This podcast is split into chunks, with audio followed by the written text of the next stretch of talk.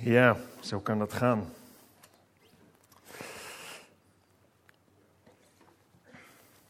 Kijk, dit is leuk.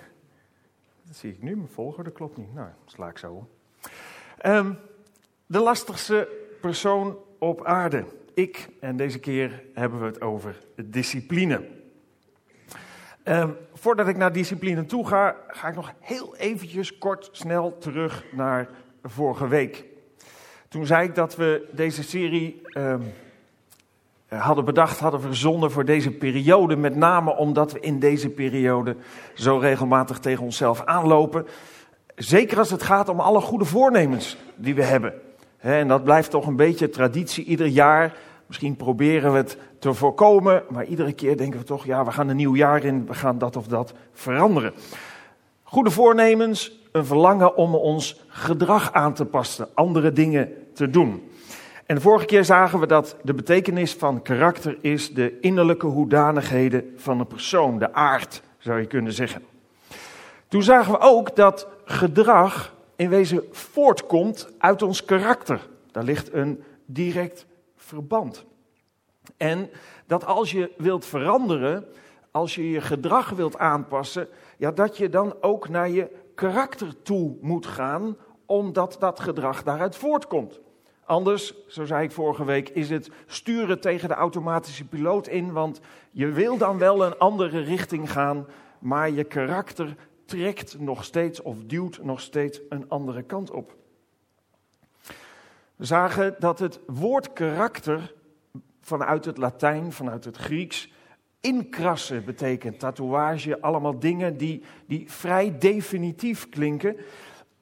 Maar toch leert de geschiedenis, en zeker de Bijbelse geschiedenis, dat karakterveranderingen wel degelijk mogelijk zijn. En dat mensen die zeggen, ja zo ben ik nu eenmaal, ja, dat dat vaak meer een teken van zwakte is of van onwil om te veranderen dan dat het niet zou kunnen. Maar het gaat niet vanzelf. En tot slot zeiden we vorige week ook dat ons karakter eigenlijk een, ehm, ja, een, een, een verzameling van eigenschappen is. Je zou kunnen zeggen een hoeveelheid karaktereigenschappen samen in meerdere of mindere mate aanwezig. En dat vormt het plaatje van onze persoonlijkheid. Net zoals je dat hier in zo'n spijkerbak, pinart noemen ze dat ook wel, ziet.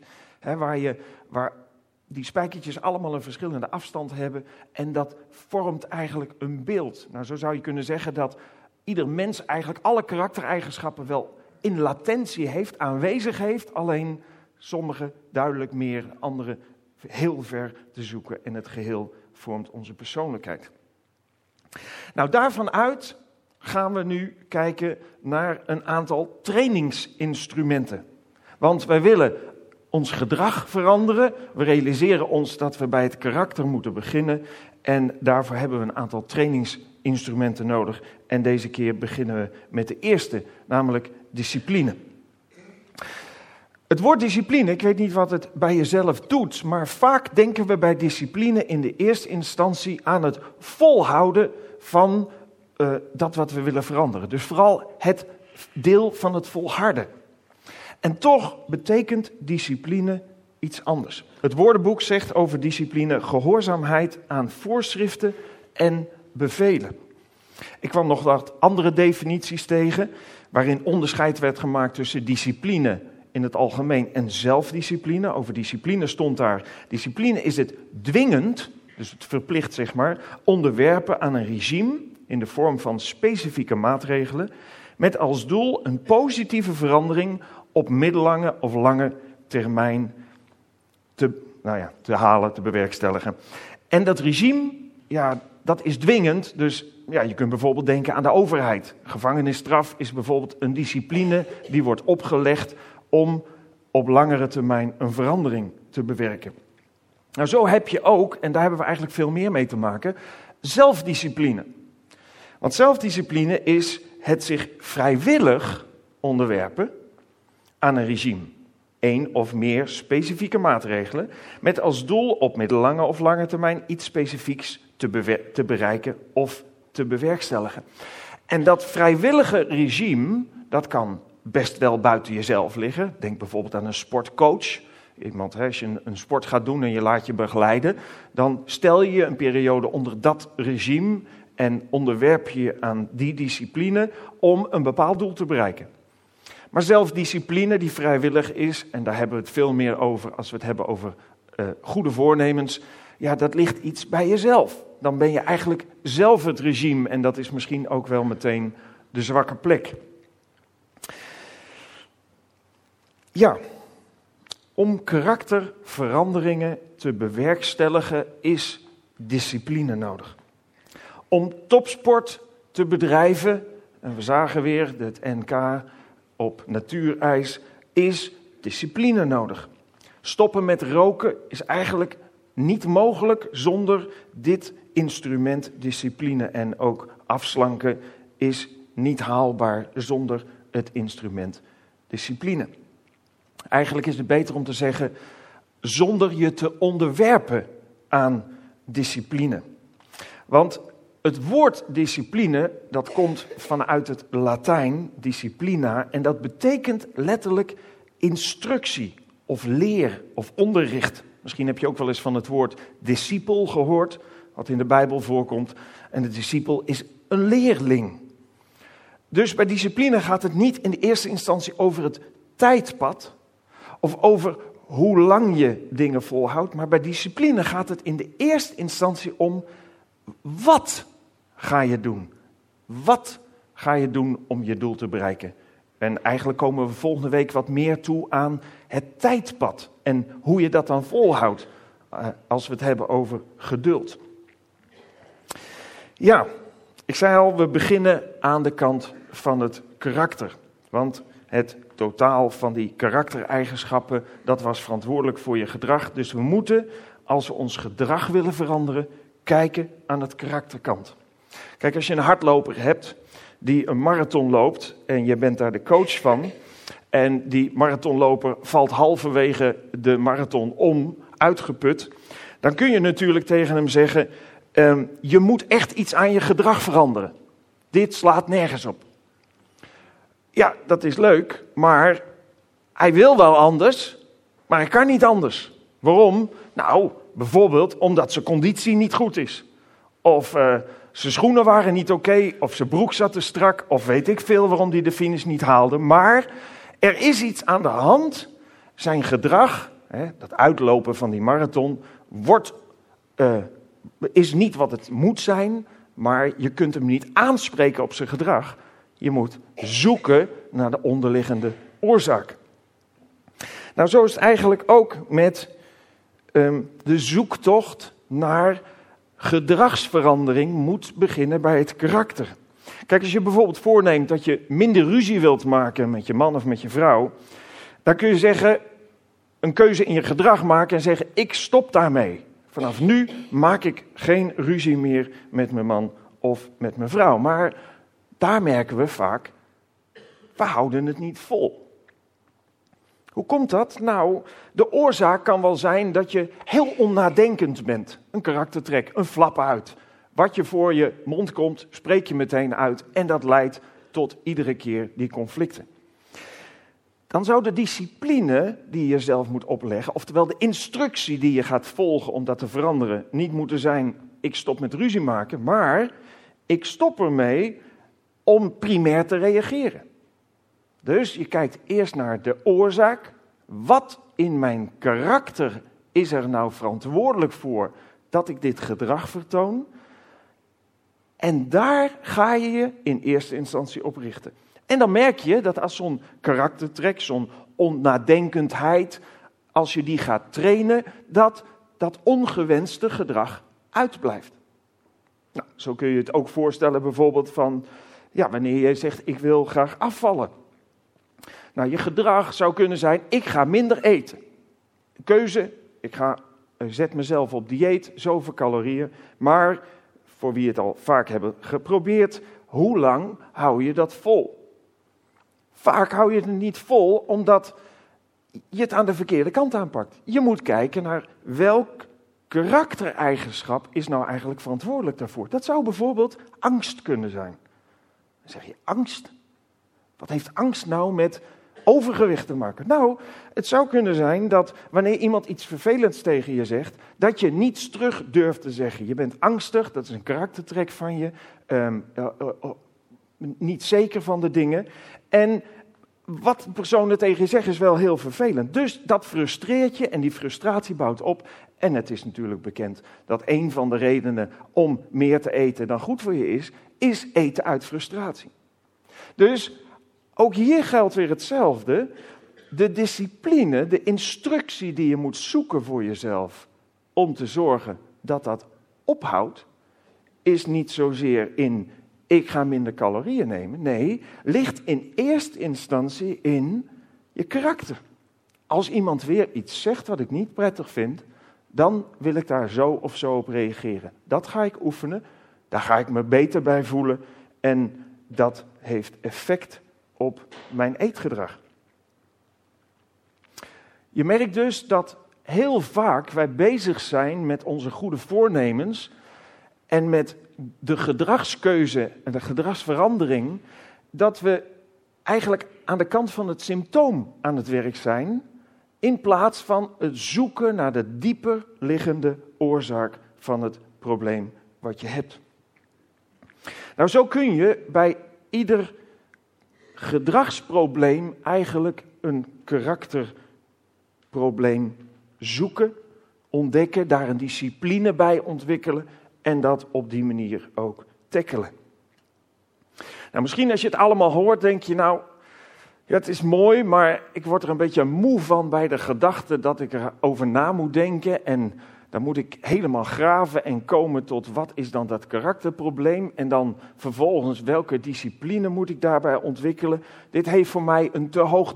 Phil gehalte. Nou, dat kan, inderdaad. Dat wil niet zeggen dat het niet lukt en dat het zo niet kan. Maar ik geef toe, daar zitten wel wat haken en ogen aan. En het eerste en misschien wel het allergrootste probleem is welke karaktereigenschap is eigenlijk goed en welke karaktereigenschap is niet goed. Waar moeten we nou positief, waar moeten we negatief naar kijken? Maar ook, als je dat dan al ontdekt, welke discipline, welke regel die je zelf oplegt, gaat daar iets aan doen. Verandert daadwerkelijk dat karakter. Dat is best een hele lastige zoektocht. Kortom, wat is goed? Wat is wijs om te doen? Wat is de richting, de keuze die je moet maken? Kijk, de huidige maatschappij waarin we leven, uh, wordt eigenlijk steeds positiever gesproken over ik-gerichte karaktereigenschappen. Karaktereigenschappen als zelfredzaamheid, assertiviteit en trots is eigenlijk iets wat steeds nadrukkelijker wordt gestimuleerd, terwijl steeds minder wordt gesproken over karaktertrekken als deemoed en nederigheid en bescheidenheid. Dat is niet meer van deze tijd. En toen wij vlak voor de jaarwisseling zaten, toen heb je misschien wel een heel aantal advertenties in de krant gezien die gingen over het uh, belemmeren van de hulpverleners. Wat uh, ook dit uh, uiteinde, dit einde van het jaar en het begin van het jaar weer ontzettend aanwezig was. Nou, er is een socioloog, Gabriel van der Brink heet hij, een socioloog en onderzoeker bij het Nederlands Instituut voor Zorg en Welzijn. En hij heeft een onderzoek gedaan naar de reden van die agressie ten opzichte van die hulpverleners. Ook een bijzonder gedrag, zou je kunnen zeggen. Hij schrijft het volgende: Het bezit van een groot gevoel van eigenwaarde wordt in onze cultuur door ouders, school en maatschappij ondergewaardeerd. Staat niet in deze tekst, dit is een ander artikel. Steeds meer mensen, zegt hij, lijden daardoor aan narcisme, blinde eigenliefde, helemaal op zichzelf gericht. Nederigheid, verlegenheid en schuldgevoel zijn eigenschappen die in onze cultuur nauwelijks nog als deugden worden gezien. Je moet adrem en zelfverzekerd zijn en voor je rechten opkomen. Die egocentrische levenshouding leidt uiteindelijk tot meer agressie. Dus hij constateert dat daar een aantal karaktereigenschappen zijn die misschien maatschappelijk aanvaard zijn, die zelfs maatschappelijk gestimuleerd worden, maar die een, een gevolg hebben in het gedrag waar we eigenlijk weer heel graag van af willen, wat we ongewenst vinden. En dat komt voort uit eigenlijk een zoektocht waar we allemaal mee bezig zijn van ja, maar wat is dan eigenlijk goed? Is een assertiviteitstraining nou positief of is het een negatief? Heeft het een negatief effect op je karakter en al dat soort dingen? De trend die hij waarneemt is de trend die stimuleert om meer ik-gericht te zijn. Dus egocentrisch, egoïstisch.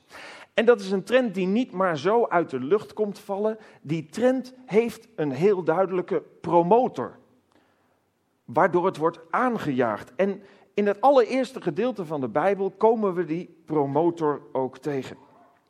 En die promotor, de tegenstander van God, het kwaad, zoals we het ook wel noemen, daar staat het volgende over. Heel bekend stukje, misschien heb je het al heel vaak gehoord. Hij zocht de vrouw op, en dat was Eva, en vroeg: God heeft jullie zeker wel verboden van de bomen in de hof te eten, hè? Nee hoor, antwoordde de vrouw. Wij mogen van alle bomen eten, behalve van die in het midden van de hof. We mogen hem zelfs niet aanraken, want dan zullen wij sterven. Dat is een leugen, zei de slang.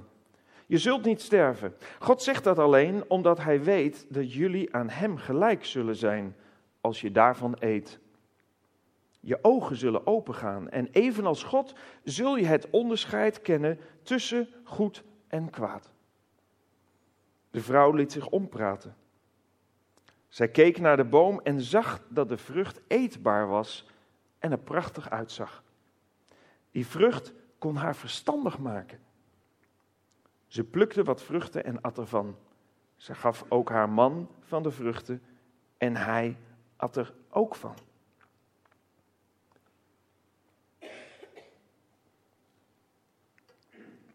Hiermee deed eigenlijk het verval van, de, van het menselijk karakter zijn intrede.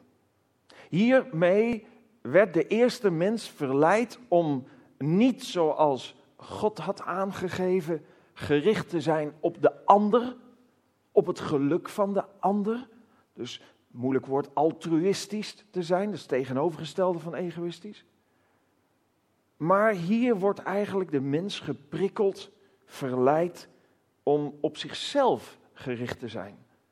Om wijzer te zijn dan anderen en egoïstisch te zijn. En die karakterverandering, die eigenschappen, die stimulans zie je eigenlijk nog steeds in de maatschappij waarin wij leven. En misschien wel in deze tijd in toenemende mate. En nog steeds is egoïsme ook datgene wat God en mensen scheidt.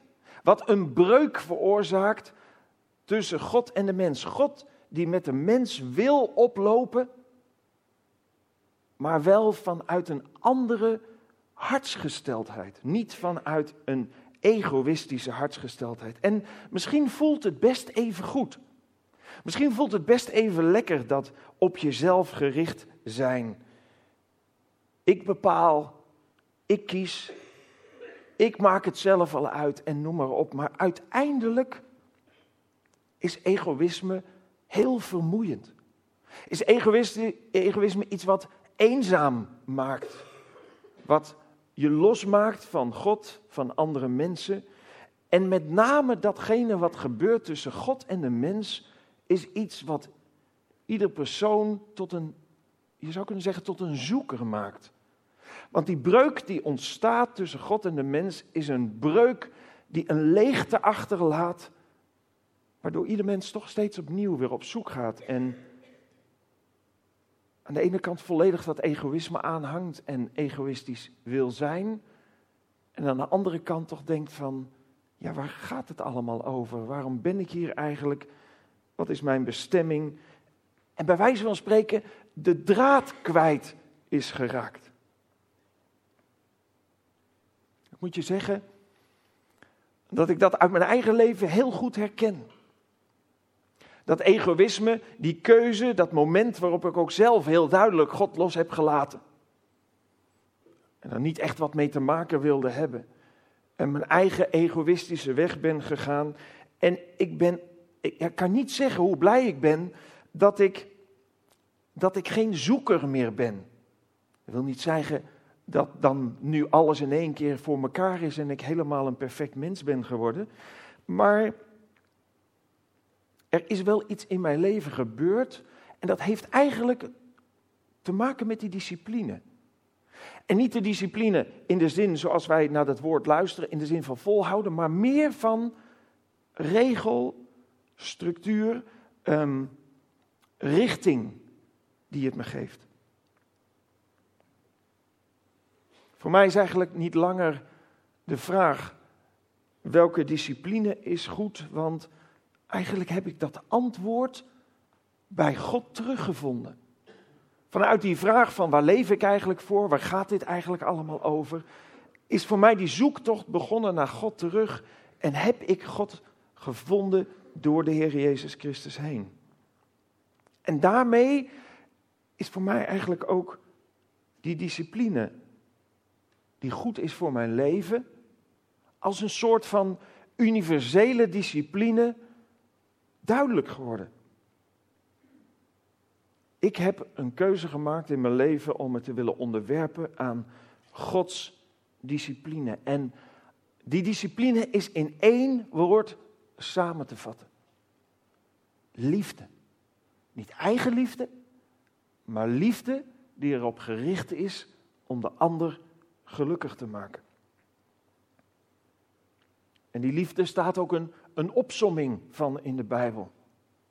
De liefde, staat in 1 Korinthe 13, is geduldig en vriendelijk.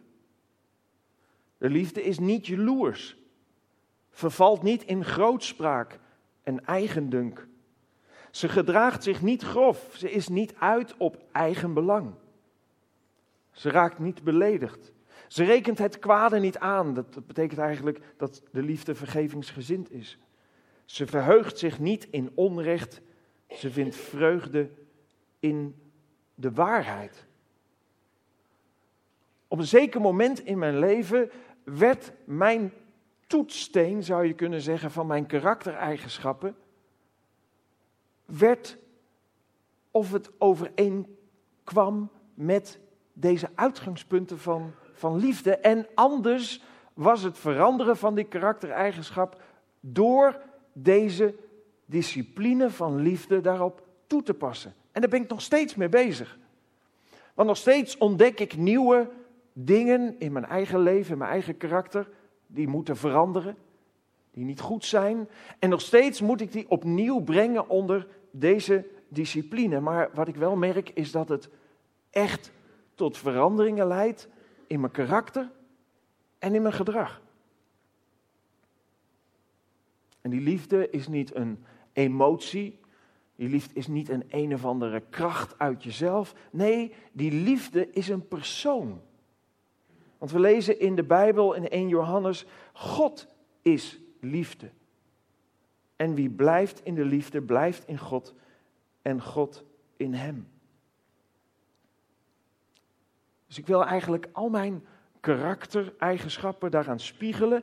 En iedere keer als ik tot de ontdekking kom dat, dat een karaktereigenschap niet positief is, niet eigenlijk in balans is met die liefde, dan wil ik het onder die discipline brengen. Dat maakt God gelukkig, dat maakt mijn medemens gelukkig, maar dat maakt ook mezelf gelukkig.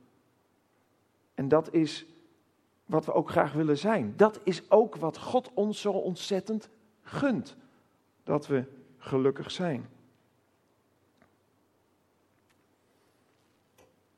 Ja, maar hoe zit het nou met mijn goede voornemens?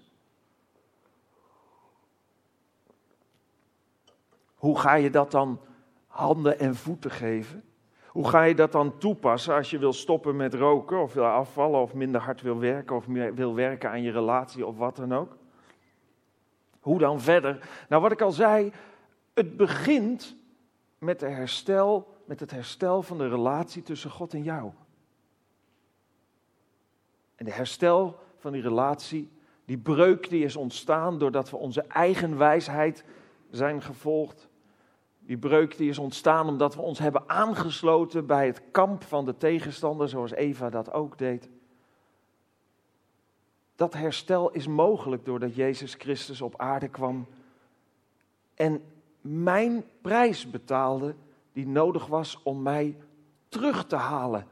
Om eh, zeg maar de claim die op mij rust vanuit het kwaad waarin ik mezelf zelfstandig heb toegewijd, om die claim af te lossen.